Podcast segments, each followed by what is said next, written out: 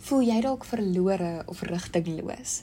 Staan jy by 'n kruispunt waar jy 'n lewensveranderende besluit moet neem en jy is bang? Jy is bang jy maak die verkeerde keuse. Bang jy stel die Here te leer.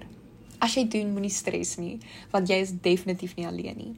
Besluite, veral besluite wat gaan oor mense toekoms, is vreesaanjaend. Ek weet toe ek universiteit moes kies, het ek so gevoel want elke opsie baan die weg vir 'n hele ander lewe. Dieselfde met die rigting wat ek wou swat. Hoe kies mens? Nou, rondom hierdie tyd het baie van die vriendinne en mense in my lewe begin sê dat die Here het baie duidelik vir hulle gesê wat hulle wat hulle moet doen. En ek het toe gebid en gebid en vir die Here gevra om vir my die regte pad te wys, maar dit het net nie so gebeur nie. So toe maak ek maar my eie besluit.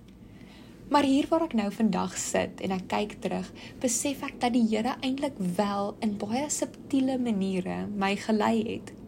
Ek het keuses gemaak op grond van my passies en my talente en dit is tog dinge wat hy in my hart geplant het. Die Here werk anders met verskillende mense. Hy gaan nie noodwendig vir elke persoon 'n klaar uitgelegde plan vir hulle lewe gee nie en jy mag hom dalk anders ervaar, maar vir my is die Here nie 'n verkeersbeampte wat links of regs wys nie.